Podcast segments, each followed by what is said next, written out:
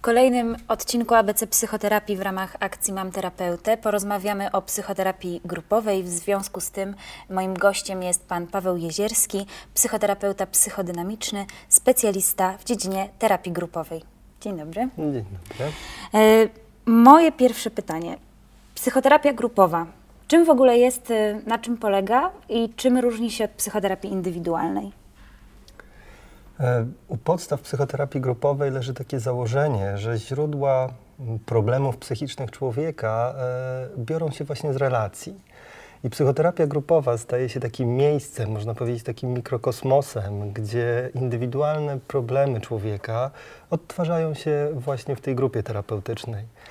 I to jest takie miejsce, gdzie można wtedy się zatrzymać, przyjrzeć temu, co się dzieje e, i jakby poddać to refleksji, takiemu rozumieniu. 嗯。Przykładowo osoby, które w życiu funkcjonują jako takie uległe, trudno im postawić granice, e, jest duże prawdopodobieństwo, że na grupie będą podobnie funkcjonowały. I wtedy jest takie miejsce, żeby właśnie się zatrzymać, zapytać, co takiego się dzieje, dlaczego ta osoba tak, a nie inaczej się zachowała, e, z czego to może wynikać. E, I wtedy jest też taka interakcja z innymi. Można to też poddać takiemu rozumieniu, jakby w odniesieniu do przeszłości, że czemu ta osoba mm, jakby weszła w taki schemat, że nie wiem, zgodziła się na coś, na co nie miała ochoty. E, I jakby taki wgląd powoduje takie, e, no to jest takie uczenie się przez doświadczenie, tak? Aha, tak się zachowałem, bo nie wiem, kiedyś z rodzicami na przykład miałem to i to. Natomiast tutaj w grupie później ta osoba otrzymuje takie, taką informację, że może inaczej. I to jest jakby taki zaczątek zmian. Więc e, jakby no to jest takie główne założenie psychoterapii grupowej. Natomiast e, w odróżnieniu od indywidualnej, tak, e, no, poza oczywiście liczbą uczestników, to w terapii grupowej właśnie większy nacisk jest na taką relacyjność. Przy uwzględnieniu oczywiście tego, co się działo w życiu, tak, doświadczeń osoby, natomiast jakby podkreśla się też takie interakcje między uczestnikami grupy. E, też taką, takimi innymi rzeczami, które e, jakby są trudne do zaistnienia w psychoterapii indywidualnej albo wręcz niemożliwe, to jest chociażby tak, taki czynnik takiej uniwersalności, czyli że osoba e, widzi, że nie tylko ona ma takie problemy. E, to przynosi zdecydowanie ulgę, zwłaszcza w grupach takich, które są homogeniczne, takie, gdzie osoby spotykają się z, jakby, e, z jednym problemem i nagle się okazuje, że nie jestem w tym sam, co na przykład dotychczas było takim doświadczeniem. Jasne, właśnie o to teraz chciałam zapytać.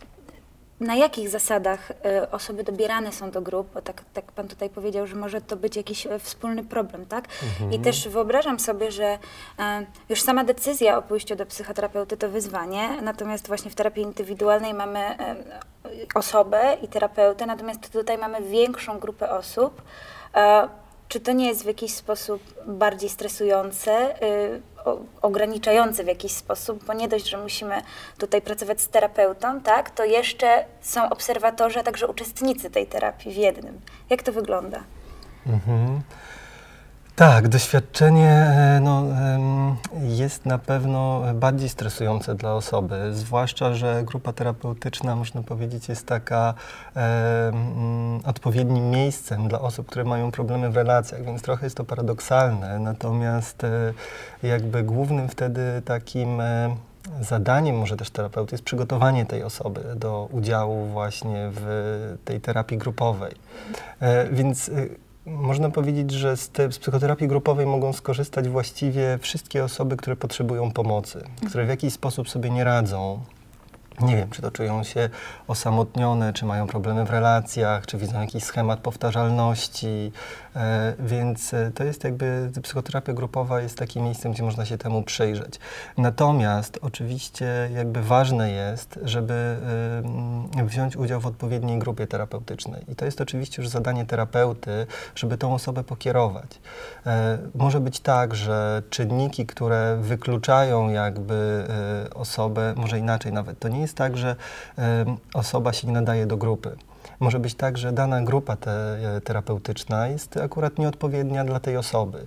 E, Dla przykładu, e, nie wiem, osoby z uzależnieniami, można powiedzieć, że taka grupa terapeutyczna, która odbywa się tylko raz w tygodniu i później ta osoba zostaje sama, jakby jest zagrożenie, że na przykład wróci do takich sposobów rozładowywania napięcia, czyli właśnie do nałogu, więc być może dla niej taka grupa nie jest odpowiednia, ale już taka, nie wiem, grupa terapeutyczna, właśnie dedykowana dla osób uzależnionych, będzie odpowiednia, tak? Ona ma odpowiednią formułę.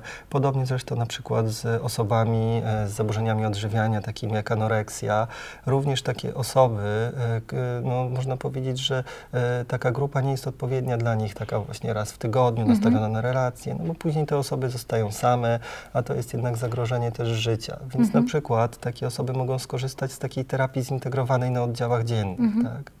Rozumiem, że wtedy ta terapia odbywa się y, częściej, tak? Ile razy w tygodniu? Tak, e, to już w zależności, bo mm, myślę sobie, że wachlarz e, czy oferta takich terapii grupowych jest bardzo duża. Mm, Zależy to oczywiście od podejścia terapeutycznego, od czasu trwania terapii, od ilości uczestników właśnie, no i też chyba to, co najważniejsze, od celu terapii grupowej. Czyli właśnie, czy to są na przykład grupy takie homogeniczne, że na przykład tylko dla osób z zaburzeniami odżywiania albo tylko dla osób lękowych, czy też po prostu dla osób z jakimiś trudnościami w relacjach i wtedy takie czy objawy, czy trudności mogą być różne. Zastanawia mnie jeszcze, jaka jest e, rola terapeuty jak wygląda jego praca w terapii z grupą, ponieważ tutaj ma zdecydowanie więcej osób. E, Jak udaje mu się nad tym wszystkim e, zapanować? Mhm.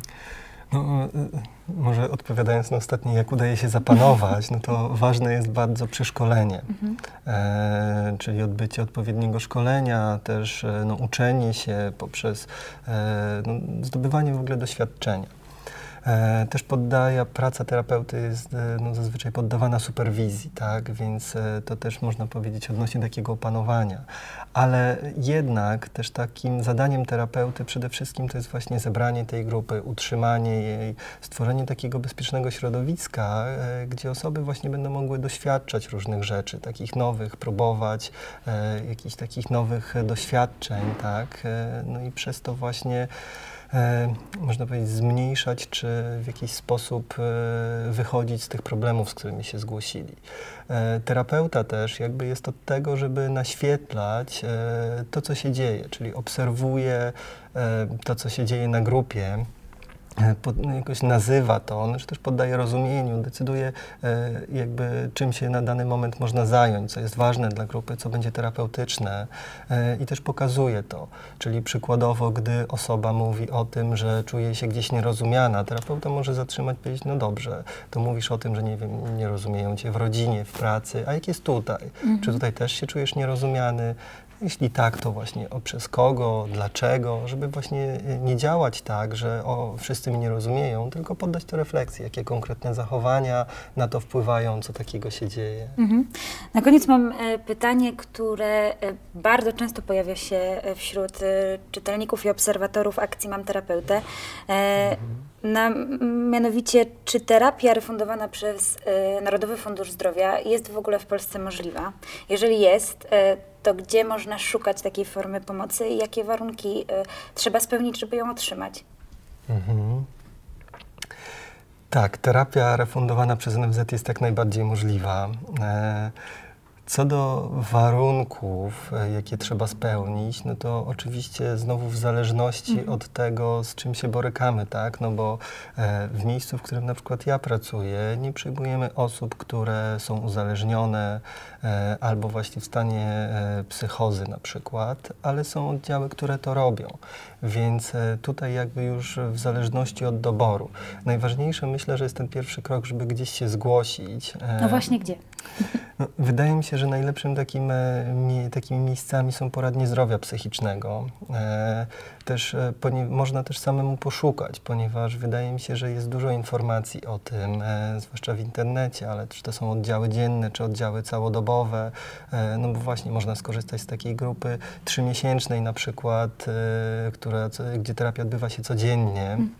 W ramach oddziału takiego cało, e, od, całodziennego można właśnie z oddziału całodobowego skorzystać, gdzie no jakby zostaje się w tym szpitalu e, i otrzymuje kompleksową pomoc. E, Są też terapie właśnie w ramach NFZ-u, takie ambulatoryjne, gdzie spotkania odbywają się raz w tygodniu po dwie godziny.